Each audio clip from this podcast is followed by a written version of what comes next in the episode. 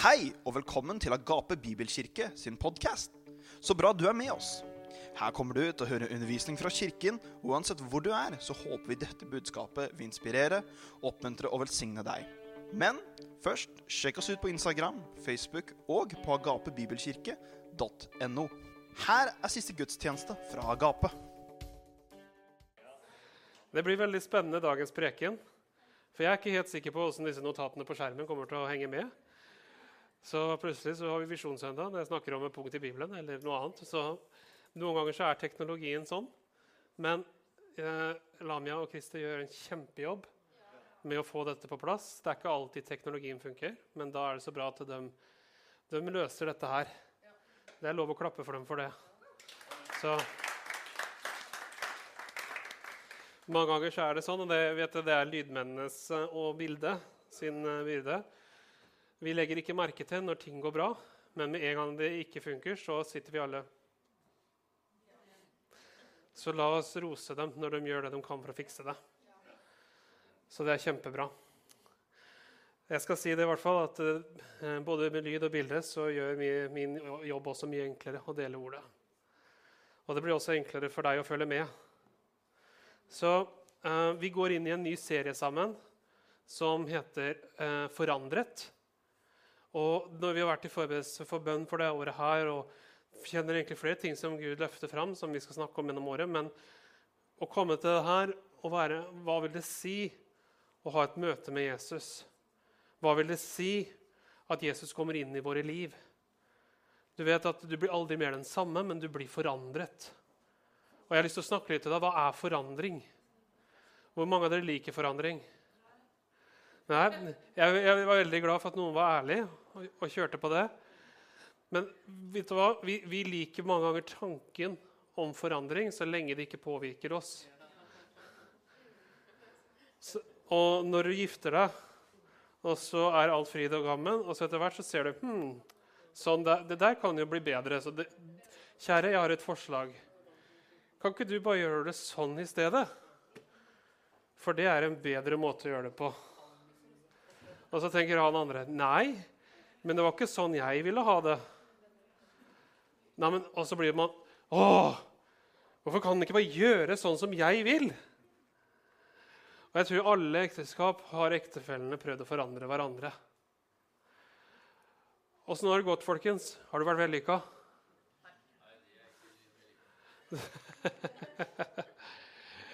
Så jeg tror vi kommer ned til dit at når vi søker å forandre noen, så er det også fordi at vi ikke selv ønsker å bli forandret. Det er mye lettere for oss at de andre forandrer seg, enn at vi må forandre oss. Så det jeg skal dele med deg i dag, det vil treffe deg som er helt, helt ukjent med det kristne budskapet, men det er også til deg som har kjent Jesus i hele ditt liv. Eller om du har kjent han i 20, 30, 40, 50 eller 5 år. Altså, dette er til deg. Forandring er ikke noe vi må stå imot. Jeg vil si det sånn, Hvor mange av dere har lyst til å vokse? Er det mulig uten forandring? Men du vil ikke ha forandring? Så du vil egentlig ikke vokse? Er det det du sier? Jeg kan si det, det her kommer til å være litt ukomfortabelt i begynnelsen, så gjør deg klar, hold deg fast og spenn setebeltet på. Men jeg vil utfordre deg i dag. Og jeg gjør det fordi at han har lagt det på meg å gjøre det. Og jeg gjør det i kjærlighet. Men det er Guds vilje for, for deg og for meg at vi kommer ut i alt det som han har for oss. Og Den dagen Gud kalte deg, så var det ikke så at du var ready, set, go. Du var ready, set, go til å starte den vandringen. Men der begynner en forandringsprosess. Og Jeg har lyst til å dele med deg dette i dag.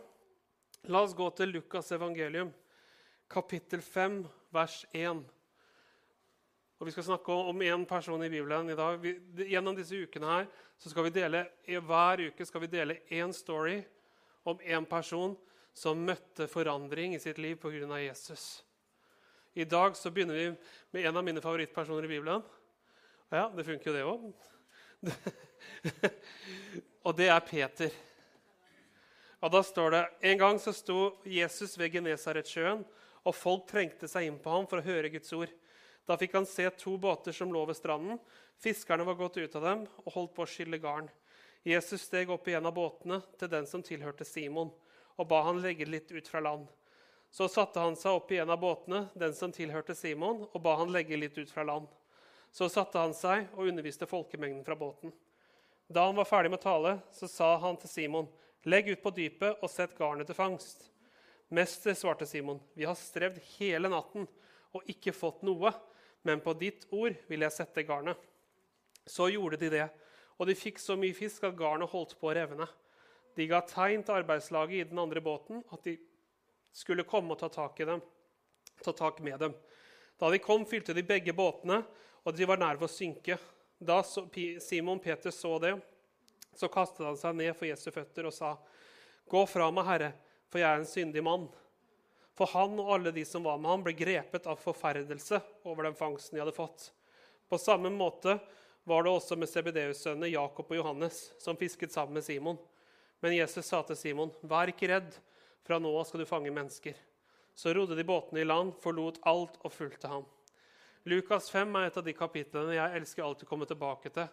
For det er det rå, møte, enkle møtet med Jesus, hvordan det forandrer liv her. Og Du vet, kan se, du kan tenke deg Peters situasjon. Han er, en, eller, han er en fisker. På den tiden var han ikke kjent som Peter, han var kjent som Simon. Og Simon betyr på hebraisk å, å høre eller ha hørt. Faktisk, Du kan ta det på også en, I noen, noen oversettelser så mener også det stammer fra det. Sønn av en hyene. Og jeg, jeg, skal dele litt med deg rundt det her. Men Simon han var her, og han fisket. Og han hadde holdt på hele natten. De hadde ikke fått noen ting. Og så på morgenen så kommer Jesus og sier, 'Kan jeg låne en av båtene dine?' 'Jeg skal undervise folket her. Kan jeg få låne båten din?' Og Simon, du kan tenke deg, jeg vet, Har noen av dere jobba nattevakter før? Hvor, hvor gira er du på å ha to-tre timer til etter du har vært på nattevakt, og høre på preken?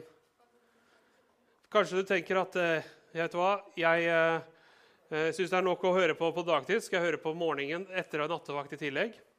Men Peter han sa det. 'OK, herre, du kan få låne båten min.' Så rodde de ut fra land. Peter satt der. Jesus underviste folkemengden. Og så Etter Jesus er ferdig med å tale, så snur han seg til Simon. 'Nå, Simon, nå, vil jeg at du skal, nå skal du dra ut og jobbe mer.'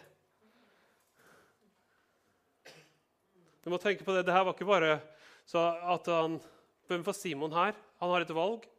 Jeg skal jeg låne ut båten til Jesus? Nummer to nå jeg sette, skal jeg gjøre som han sier, og sette ut garnet. Hvem er eksperten på fisking? Det er Simon.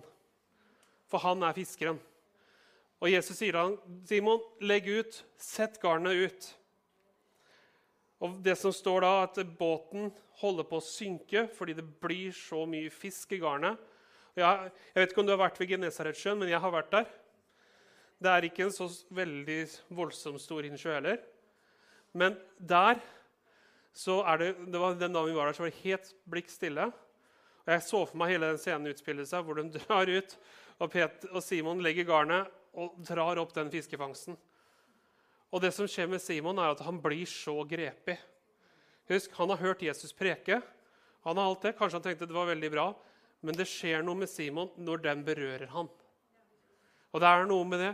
Når Guds ord kommer inn i våre liv, så berører det oss til det dypeste av vårt vesen. Forandring skjer ikke fra utsiden og inn. Dette er noe jeg vil si til deg. Forandring skjer fra innsiden ut. Så lenge du tenker at det må bli, bare det blir en omstendighet, bare jeg får den jobben, bare jeg får de pengene, bare jeg får den kjæresten, bare jeg får de karakterene, så blir alt bra. Folkens, forandring av omstendigheter vil ikke gi deg det du leter etter. Men forandring i hjertet ditt vil gi deg det du leter etter. Og det er så viktig, og mange ganger så glemmer vi dette fordi vi leter etter ting som vi tror kan gi oss det vi vil ha. Men det du egentlig vil ha, er kjærlighet, aksept, fred. Du får ikke det i en ny Tesla. Du får ikke det i iPhone. Du er nærmere med iPhone enn Samsung, men du får det fortsatt ikke. Så. Du får ikke det å holde på Manchester City. Litt mer, men nei, Du, du, får tak i poenget mitt her. Alle disse tingene som er utvendige, Vi kan ha det moro med det, vi kan glede oss med det, men det vil ikke gi deg det du virkelig trenger. Det, du skjønner, I oss er det et rom som bare han kan fylle. Som bare han kan gi oss glede. Bare han kan gi oss den tilfredsstillelsen at vet du hva? Jeg har det jeg trenger. Henger du med meg her i dag? Og du skjønner, Peter han er her, og han sier, 'Jesus, gå fra meg.' Han, han blir helt sånn shaky. For jeg, jeg, fortjener ikke dette her. Og så sier Jesus, 'Vær ikke redd, Simon. Følg nå meg.' Og de forlot alt for å følge Jesus på veien. Og Det var Peters opplevelse. Han var en fisker. Han, han var ikke utdannet, han var ikke teolog. Han var ikke noen som hadde alt perfekte. Han hadde ikke... Vet du hva? Er det noen av dere som setter Chosen-serien? Og jeg vet at Noen sier ja, men det er jo ikke det er liksom, det er jo ikke 100 alt som står i Bibelen. Nei, men jeg syns de er veldig trofast mot en del av det. Og må, Jeg syns det er en fantastisk inspirerende serie, men du ser med Peters møte med Jesus og Hvis du ser hvordan de har putta Peters kontekst, jeg synes det er fantastisk å se. Hvordan han jobber for å prøve å betale skatteinnkreveren. For det er, en, det er en ting her som vi ikke alltid ser like tydelig, men romerne påla jødene så mye skatt. Og så hadde du også skatteinnkrevere der igjen som tok mer penger.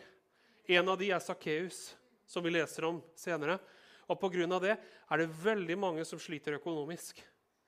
Og Hele storfamilien måtte jobbe sammen for å få inntekten til å gå rundt.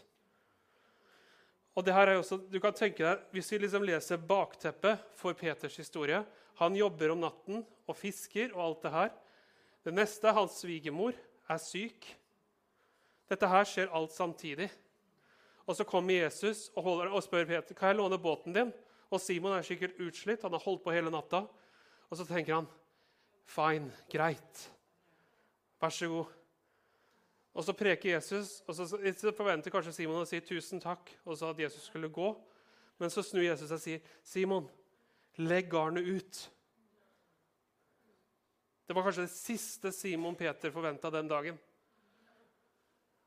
Og de får ikke bare nok fangst. De får overfylte båter. Vet du, Det er ikke bare at, der, at Jesus skal vise at han kan gi dem fisk. Men det her er en forsørgelse som ikke bare treffer Simon, men det treffer hans familie. Og det er veldig, Når vi ser hele konteksten Simon, hans familie, blir berørt av dette. Jakob, Johannes, som også begynner å følge Jesus den dagen. Alle disse familiene blir berørt. Og Sånn er det når Jesus kommer inn i våre liv. Den forandringen er ikke bare for deg og meg. Den er for våre familier, den er for våre venner, den er for våre kollegaer på jobben. Alt det her skjer den dagen, og det er en forandring. Men den virkelige forandringen er ikke at de har nok penger til å ha mat på bordet. Den virkelige forandringen skjer i deres hjerter. Hør nå, De var villige til å slippe jobben sin på sekundet for å følge Jesus. Hvorfor var de villige til det? Fordi de hadde opplevd noe som var enda mer givende enn å få båten full av fisk. Enn å få de pengene de trengte. Enn å få overflod av penger. De opplevde noe mer. De opplevde å få et møte med Gud selv. Henger du med meg her i dag? Dette er så viktig når vi snakker om det med forandring. I, jeg har lyst til at Vi skal gå veldig kort og se, men før jeg går inn i et skriftsted, her som jeg skal nærme deg, så vil jeg si det nå. Jeg skal kaste ut et, et sitat her. Eh, og Du kommer ikke til å like dette sitatet, men jeg vil at du skal ha det i bakhodet gjennom denne talen. Jeg er veldig ærlig med deg. Jeg sier at du kommer ikke til å like det allerede. Men hvis du griper det, så vil det revolusjonere ditt liv. Er du klar? ta tak i sidemannen og si, 'Hold deg fast'. Pust.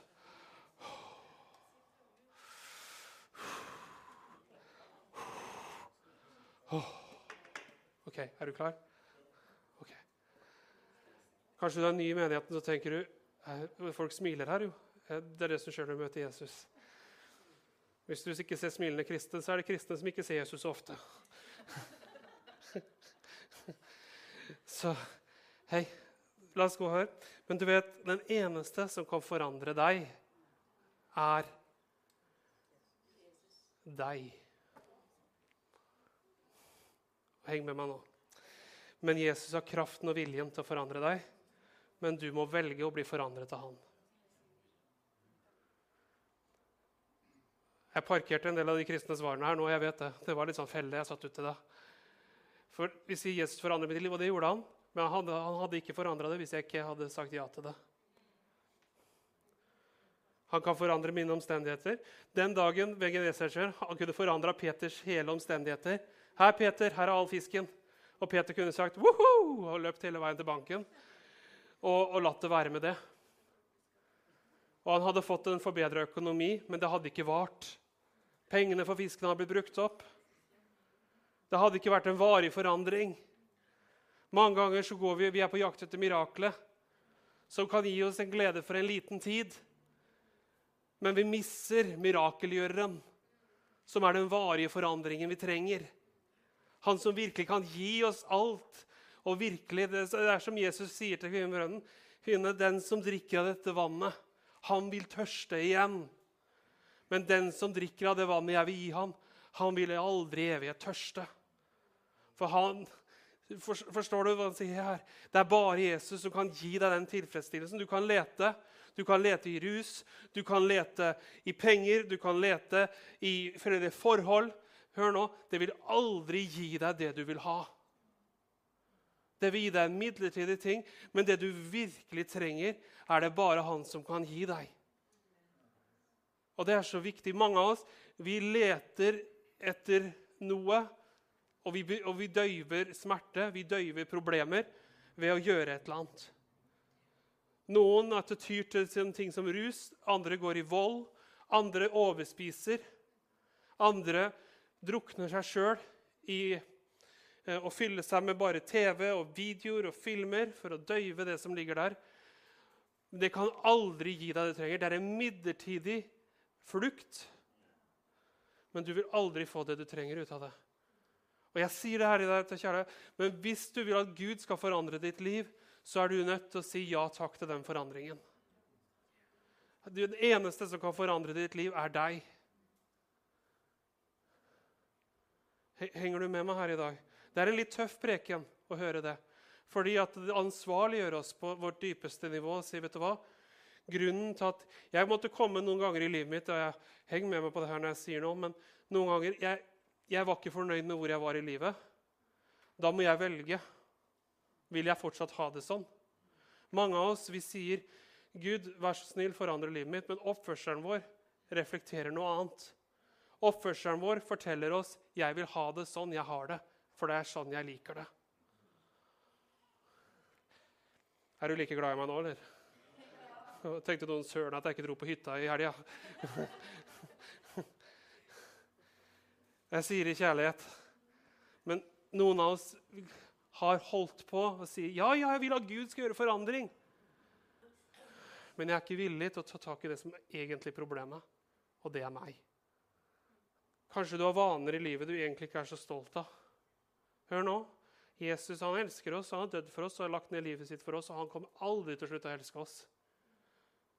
Men han vil det beste for deg. Og du vet, Noen ganger i livet så jeg har holdt fast på ting som vaner, og sånn, så har Gud stått der.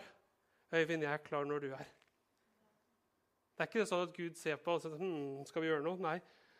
Han er klar det øyeblikket jeg har vært 'OK, Gud, jeg trenger å gjøre endring.' Endelig! Som meksikanerne sier 'Vamos! La oss gå!' Sånn er det med Den hellige ånd. Hellige ånd han jobber hele tiden. Hellige ånd er ikke sånn at Hvis vi gjør en feil eller har en vane i livet vårt som bryter med det Gud vil, så er det ikke sånn at Den hellige ånd sier nei, da får du klare deg sjøl. Ha det bra. Nei, Den hellige ånd jobber med oss hele tiden for å få oss til å bli lik Kristus. På alle områder kan, vi lar han få lov å gjøre det. La oss gå til et skriftsted til. Romerbrevet 12,2. Romerbrevet 12,2. Så kan vi lese det. Uh, Fantastisk. Det er helt supert. Yes, veldig bra. Så eh, Romerbrevet 12, 1 og 2 kan vi ta.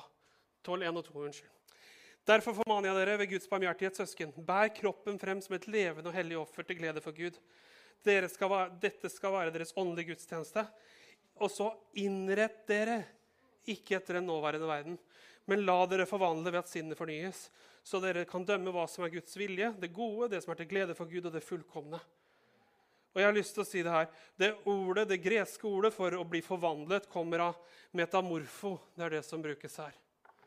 Det, det, det, det samme bildet har, Jeg vet Laura prekte nydelig om det. Men det er som en larve som blir en sommerfugl. Det er en lignende forandring som skjer. Det er liksom bildet. Men også referansepunkt her. Du, dette er så viktig derfor å lese kontekst i Bibelen. Og se hele. Det ordet brukes på her, er også i form av hva en pottemaker gjør. Og det er så interessant, for hvis vi leser i Romerbrevet kapittel 9, som er tidligere, så refererer Paulus til hvem er du, menneske, som tar til motmæle mot Gud? Kan verket si til håndverkeren, hvorfor gjorde du meg slik? Bestemmer ikke pottemakeren over leiren? Han så, så han av samme lærklump kan lage krukke til fint bruk og en annen til simplere bruk. Altså, det er en referanse her, og det ordet brukes også med pottemaker. Og det ordet med innrett Tenk deg en form. Hvor mange av dere liker å bake julekaker her? Hvor mange av dere kjøper dem bare i Rema 1000 eller Kiwi? Ja, du baker jo. jo. Ja, ok, Hvor mange av dere baker julekaker her? Så, ok, Det er en del av dere som gjør det. Og ja, Vi har en type som jeg liker. Jeg vet ikke hva han heter på original, så vi kaller den bare juletrekaker. Og, men den, vi bruker alltid ulike former. Og deigen er det samme. Men når vi legger den i former, så får vi hva da? Ulik form. Den får ulikt utseende. Vi alle mennesker vi stiller til start med samme utgangspunkt innenfor Gud. Men og hvor vi øser vårt liv hen. Om vi lar oss forme av verden rundt oss. Det er det det snakkes om her. Jeg havner i verdens form, og så blir jeg formet inn til hvordan verden opererer. Hvordan de uten, som ikke kjenner Jesus, opererer. Hvordan de som sliter med ting og det er sånn, og så Har du merka det at de som sliter, finner også veldig mange ganger ofte hverandre? Hvorfor? Fordi det er en form. Og vi havner i den samme formen. Legg merke til hvis du kommer i et miljø hvor de driver med rus. Hva skjer med deg? Du blir en rusmisbruker. Hvorfor gjør man det? Og alle rusmisbrukere sier 'jeg kan slutte i morgen'. Men hvorfor begynner de med rus? Fordi de har havnet i en form. De blir lik hva du er rundt. Det samme er med ulike vaner. Bare se på den, Du kan ta en form med kristne. Når vi kommer inn i en viss kristen setting, har du sett at vi begynner å ligne hverandre?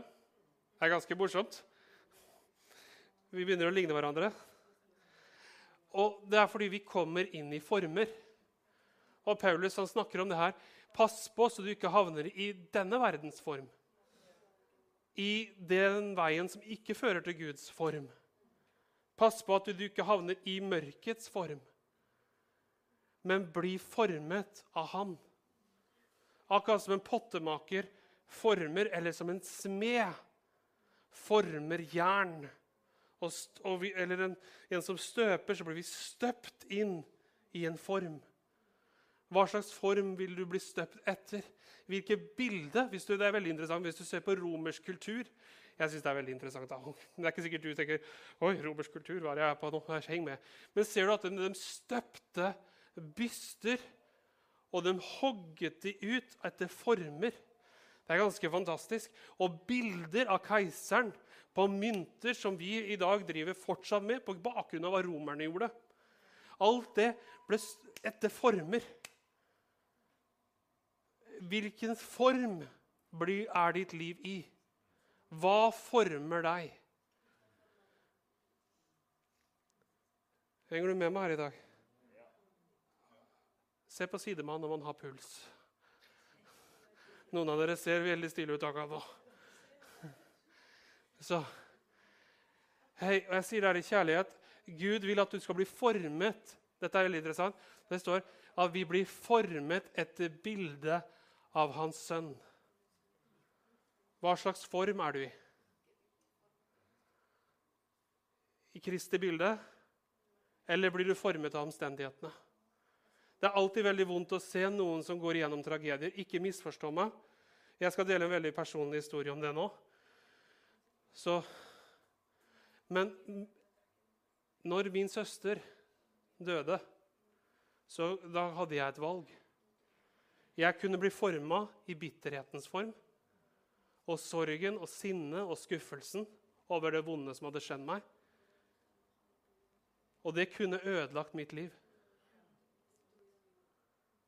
Og jeg sier til kjærlighet, noen av, noen av dere har kanskje havna i en form hvor dere blir bitter på hva som skjedde. Bitterhet er giften som tar livet av deg. Jeg er så takknemlig at jeg drakk ikke av det. Jeg ga aldri Gud skylda for det. I stedet så venter jeg meg til han får hjelp til å takle sorgen. Noen av dere setter dere kanskje, jeg sier ikke noen her nå, men kanskje noen av dere når ting blir vanskelig, så lener du deg tilbake og sier, 'Å, Gud, hvor er du nå?' Min venn, han er der han alltid har vært, klar for å ta imot deg med sine hender utstrakt. Og han elsker deg. Ikke la deg selv havne i feil form, for det kan potensielt ødelegge livet. Ok, jeg vil ta... Dette er veldig interessant, for jeg hadde egentlig forberedt det her, men jeg bare flyter med Den hellige ånd nå. Så det er tydeligvis noe Den hellige ånd gjør her nå. Jeg vil dra en parallellhistorie når det kommer til Peter og eh, flere av de andre apostlene, men spesielt Judas. For det er et veldig tydelig Da snakker jeg om Judas Iskariot, ikke Judas apostelen. De er to forskjellige personer. Det er ikke alle som tror det. Noen tror at Judas Iskariot skrev et brev etterpå. Nei, det gjorde han ikke. Det er to forskjellige personer. Så men Peter hadde en veldig opplevelse som definerte livet hans veldig. Og Vi kan lese om det i Matteus 16, 13-19. Matteus 16, 13-19, så kan vi lese om den opplevelsen Peter hadde, som ble en veldig definerende.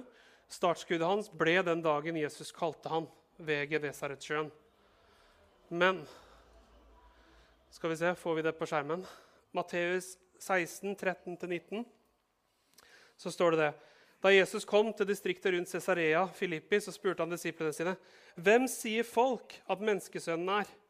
No, de svarte menneskesønnen, altså Jesus, for deg som lurer. De svarte noen sier døperen Johannes, andre sier Elia. Noen ganger hvis du har dysleksi, så kan du tro det står Eila, men det er ikke det. det er Elia. Andre igjen Jeremia eller en annen profetene. Og altså, dere spurte han, hvem sier dere at jeg er? Da svarte Simon Peter, du er Messias, den levende Guds sønn. Jesus tok til orde og sa, Salig er du, Simon, sønn av Jonah. For dette har ikke kjøtt og blod åpenbart deg, men min far i himmelen. Og jeg sier deg, du er Peter, og på denne klippen vil jeg bygge min kirke, og dødsrikets porter skal ikke få makt over den. Og jeg vil gi deg himmelrikets nøkler, og det du binder på jorden, skal være bundet i himmelen, og det du løser på jorden, skal være løst i himmelen. Så i løpet av disse tre årene Peter gikk sammen med Jesus, så legger Jesus grunnlaget i Peter på hva han hadde tenkt å gjøre i Peters liv. Vi ser en vandring. Peter, som var fiskeren, blir Peter som følger Jesus, etterfølgeren. Og det ser vi her, at Peter han får tak i essensen av hvem Jesus er. Jesus, du er Guds sønn. Du er Kristus, du er frelseren, du er løsningen jeg trenger. Det er ikke bare at han opplevde, han har kommet dypere enn fiskemiraklet. Han har kommet til essensen. Dette er hvem du er, Jesus. Og hans hjerte bare Wow! Det jeg trenger, får jeg i han. Og Peter er faktisk han er oppkalt etter Simeon, som vi ser som var en av de tolv israelske eh, som var hun i Jakob. Nå, nå, skal jeg ta en liten interessant ting her. Dette er En del ting jeg sier, kan du ta for rett. Liksom. Dette er veldig sånn Dette er litt med tradisjon å gjøre. Så det her kan jeg ikke si jeg 100% garantere at det er sånn. Men jeg syns det er en veldig interessant ting som for meg gir veldig mening. Men mange av dere har lest historien til Jakob og Esau, ikke sant? Og Jakob og Esau, så var jo Hvem var eldst av de? Esau. Ikke én sau, men Esau. Så, og Esau, han skulle arve etter Isak. Ikke sant? Men Jakob utgir seg for å være Esau, for Isak har mista synet. Og han får han til å velsigne Jakob og gi arveretten til Jakob. Jakob blir kjent som da stamfederen som veien går videre gjennom, og han blir Israel. Og en av hans sønner er Simeon. Og dette er litt interessant, for at Jakob ble også på hebraisk han, er en som er Han er ikke en person som opptrer rettferdig.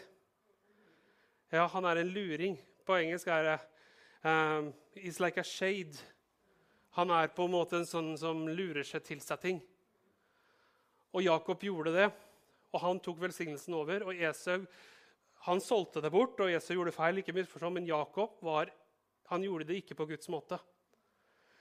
En av hans sønner, Simeon, bærer navnet å høre eller ha hørt, men også i en del tradisjoner så er det å være også ha den samme svakheten som Jakob. Hvorfor er dette viktig? Nå skal du få noe, skjønner du. Fordi at Peter og Simon er samme person, men Jesus gir han et nytt navn. Hvorfor gir Jesus han et nytt navn? Han gjør ikke det med de andre apostlene. Det er to som er fremtredende. Det ene er Simeon, og det andre er Saulus som blir Peter og Paulus. Simeon er også oversatt i noen at han er som en hyene. Som et rovdyr. Og så sier Jesus, 'Simon, fra nå er du Peter'. Hva betyr Peter? Dette verset Peter betyr stein, eller liten stein. Jesus introduserer seg selv. 'Jeg er klippen. Jeg er den store stein.' Husker du paktspråket? Når noen går inn i en pakt sammen, så tar han navnet til den du går inn i pakt med. Peter Stein, altså liten stein, er nå med klippen. Men det som er med integriteten på stein, disse steinene som ligger rundt her Hvor lenge tror du de har vært her? De har vært, men i verden, hvor lenge har de eksistert? De har vært her hele veien. Det er noe med stein som har en integritet som ikke brytes ned. Og dette er noe som for Jakob hadde ikke integritet. Som gikk videre. Simeon solgte Josef til Egypt. Ser du, ser du, hva det her er for noe? Jesus sier, 'I meg så får du integritet'. I meg får du noe som ikke bøyer av. I meg får du å bli gjort hel. Det er ganske fantastisk når du ser det her. Jesus gjør Peter hel. Og det er så fantastisk å lese. Jeg liker å gå inn i sånne dybder, for ingenting i Bibelen er tilfeldig. Og Jesus sier til han, 'Simon, du er nå Peter.' Og på denne klippen, altså på meg, vil jeg bygge min kirke. Og dødsrikets folkeslag har makt over den. Og det du, Peter, løser og binder, det skal være løst, og det skal være bundet. Det Han gjør her, han tar Peter inn og han gir han en ny identitet. Hva er det Peter oppdager? Han er ikke Simon fiskeren. Han er en ny skapning. Han har et nytt navn, og han har en ny identitet. Får du noe ut av det jeg deler med deg her nå? Ble det veldig komplisert for deg, måten jeg sa det på? Så Bra, da henger du med. Hvis ikke, så må vi ta en time til. Nei, ja.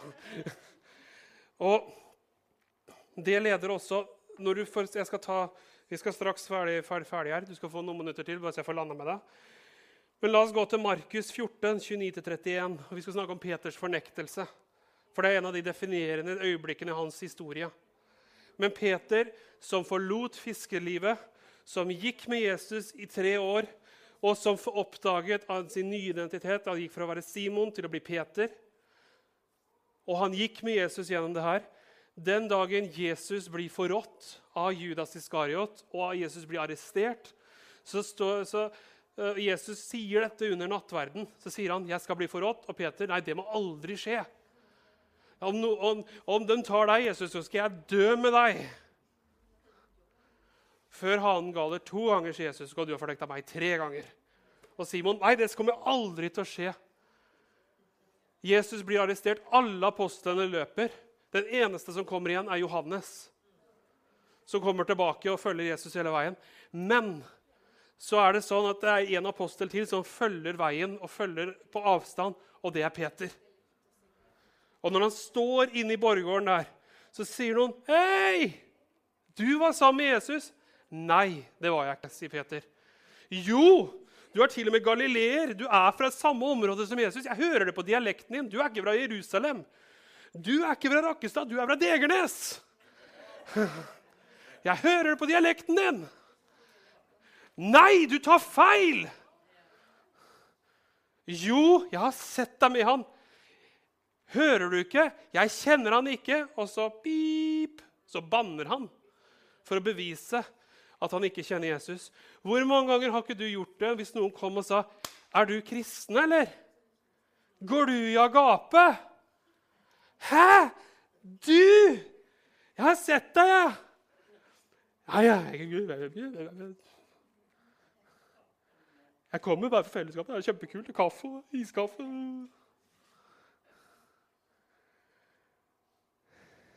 Hvor mange har vi ikke gjort som Peter? Vi har opplevd Jesus. Vi har hørt ordet, hva det sier om oss. Og så er vi der, og så noen kommer og sier, 'Tror du på Jesus?' Så løper vi vekk. Peter har sagt, 'Jeg skal dø med deg, Jesus'. Mange har ikke stått sånn. 'Å, Herre, jeg gir deg mitt liv'. Jeg, jeg utfordrer deg litt her i dag nå. Peter, da han hadde fornektet tre ganger, så gol hanen. Og Det står at Peter gråt, gikk ut og gråt, brast i gråt. I en annen oversettelse står det at han gråt bittert. Hjertet hans knuste.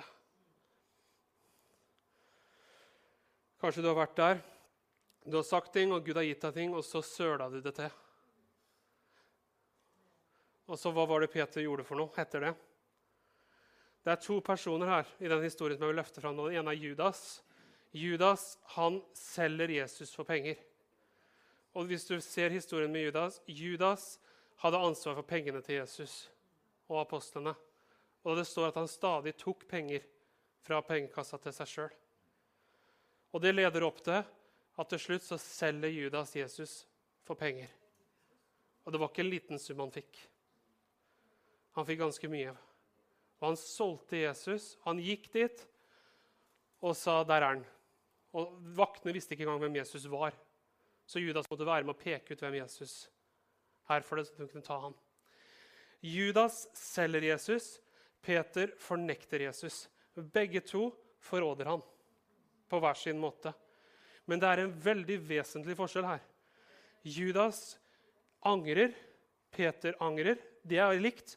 Men løsningen deres er veldig forskjellig. Judas går og henger seg sjøl. det står at han tar pengene han fikk for salget av Jesus.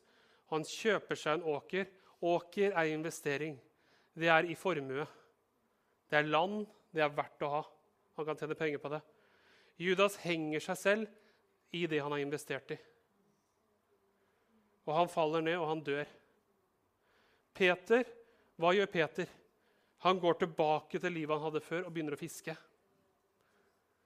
Og Det står den natta, det står Johannes evangelium, så de gikk tilbake og fiske.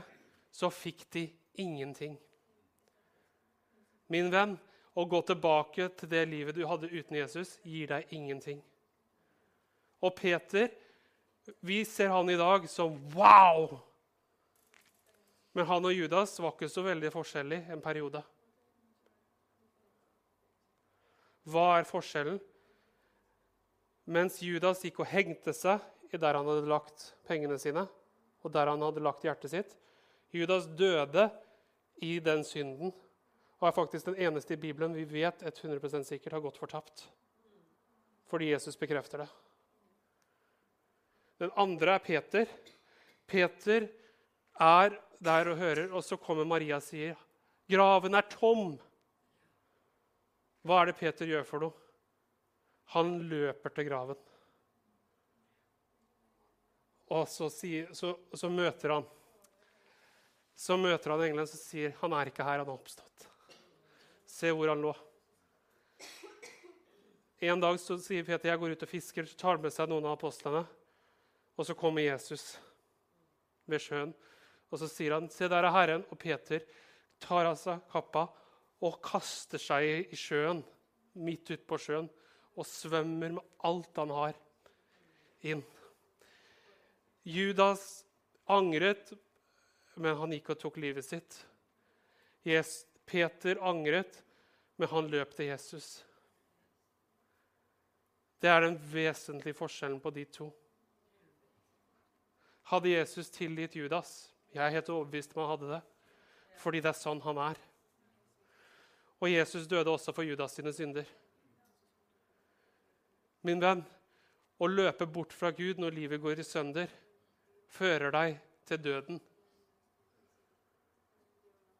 Men å løpe etter Han som har gitt deg liv igjen, selv om alt har gått i, i synder, vil gi deg det du leter etter. Peter er kjent som apostelen Peter. Hans tro var at Og når han møter Jesus, så sier Jesus til ham, 'Peter, elsker du meg?' Sier Peter, 'Ja, Herre, du vet jeg har deg kjær'. 'Peter, elsker du meg?' 'Ja, du vet jeg har deg kjær'. Og så sier Jesus en tredje gang, 'Peter, vet du at jeg elsker deg?' Peter sier, 'Ja, Jesus, jeg vet at du elsker Du, du vet at jeg elsker deg.' Hm?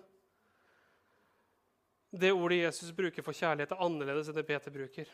Jesus sier, 'Peter, jeg agape deg.' Peter, agape du meg. Hva betyr det? Peter, ubetinget kjærlighet. Ubetinget kjærlighet. Ubetinget kjærlighet. Peter har søla bort alt sammen, og hva svarer Jesus han med? Ubetinget kjærlighet. Ubetinget kjærlighet. Ubetinget kjærlighet. Er ikke det fantastisk? Det rører i hvert fall meg på dypet å se hvordan Gud Og Peter blir en annen etter det. På pinsedag så står det når apostlene står fram etter å bli fylt med Helligånd, så er det Peter som leder dem. Og han sier til alle dem som han, for, som han nekta for, så sier han, folkens, hør nå på meg. Han Jesus som dere korsfesta, han har oppstått. For en, for en forvandling. For en forvandling. Takk, Jesus. Min venn, det er Guds vilje for deg i dag. Om, du, om livet har gått i sønder og det har gått i søl og alt det her. Forandring er det som du trenger. Ikke gjør som Judas, grav deg ned i alt det negative. Ikke grav deg ned i det, det feil du gjorde. Judas, Det står faktisk at han prøvde å gå tilbake og gi til pengene tilbake og si 'Jeg har forrådt uskyldig blod'. Jeg skulle ikke ha gjort det. Jeg har gjort feil. Jeg angrer meg. Og så sa de ja, vi vil ikke ha pengene. Vi har fått det vi ville. Og Judas bare ja, men noe måtte jeg kan fikse etterpå. Og han tok livet sitt. Jesus hadde tilgitt Judas. Peter løp til Jesus. Min venn, vi snakker om forandring og alt det her. Peters liv ble forandret pga. Jesus. Og Peters liv blir redda pga. Jesus. Guds vilje det er i Johannes 10,10. 10. Jeg har kommet for at dere skal ha liv og overflod av liv. Vil du erfare Guds liv i ditt liv? Du tenker at historien er drastisk på folk tar livet sitt. Jeg kjenner folk som har tatt livet sitt og har hørt evangeliet, men de løp ikke til Jesus, de løp den andre veien. Og det gikk galt. Han elsker deg. Han la ned alt for deg. Og du kan komme til han i dag. Og ja, du tror på han. Kanskje, kanskje, du har hatt en tøff tid. Kanskje du har opplevd at du sitter fast i livet, og at ting har vært vanskelig. Min venn, slipp tak i det. Som Peter gjorde, forlat alt og gå til han med det. beste jeg gjør når jeg har det tøft, jeg går til han og legger alt ned i livet mitt. Så sier Jesus, 'Her er mitt liv. Gjør hva du vil med det.'